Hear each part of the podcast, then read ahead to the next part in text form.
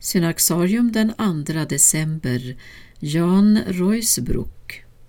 Den 2 december 1381 dog Jan Reusbruck, som levt sitt liv som präst i en kyrka i Bryssel och som munk i en kommunitet i Gronendal. Jan var född och uppväxt i den lilla byn Reusbruck utanför Bryssel och fick en utomordentlig utbildning trots att han aldrig hade tillgång till de stora universiteten.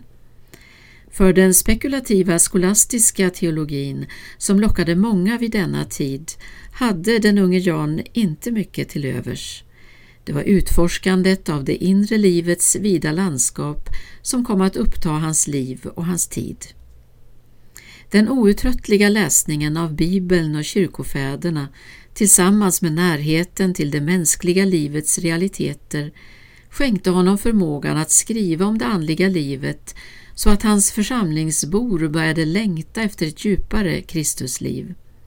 Hans skrifter, alltid i samklang med evangeliet, äger en kvalitet som gjort dem tidlösa och älskade i många traditioner.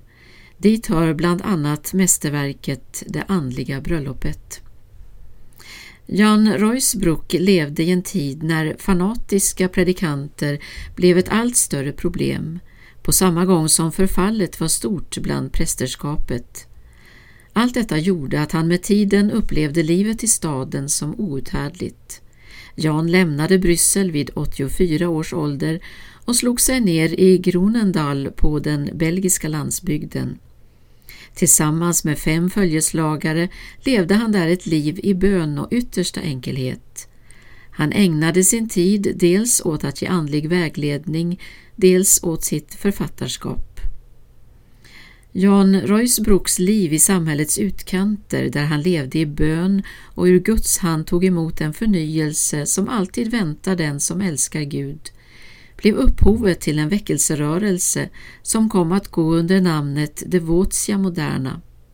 Denna blev senmedeltidens mest inflytelserika förnyelserörelse och fostrade personer som Thomas A. Kempis och Nikolaos Kosanos.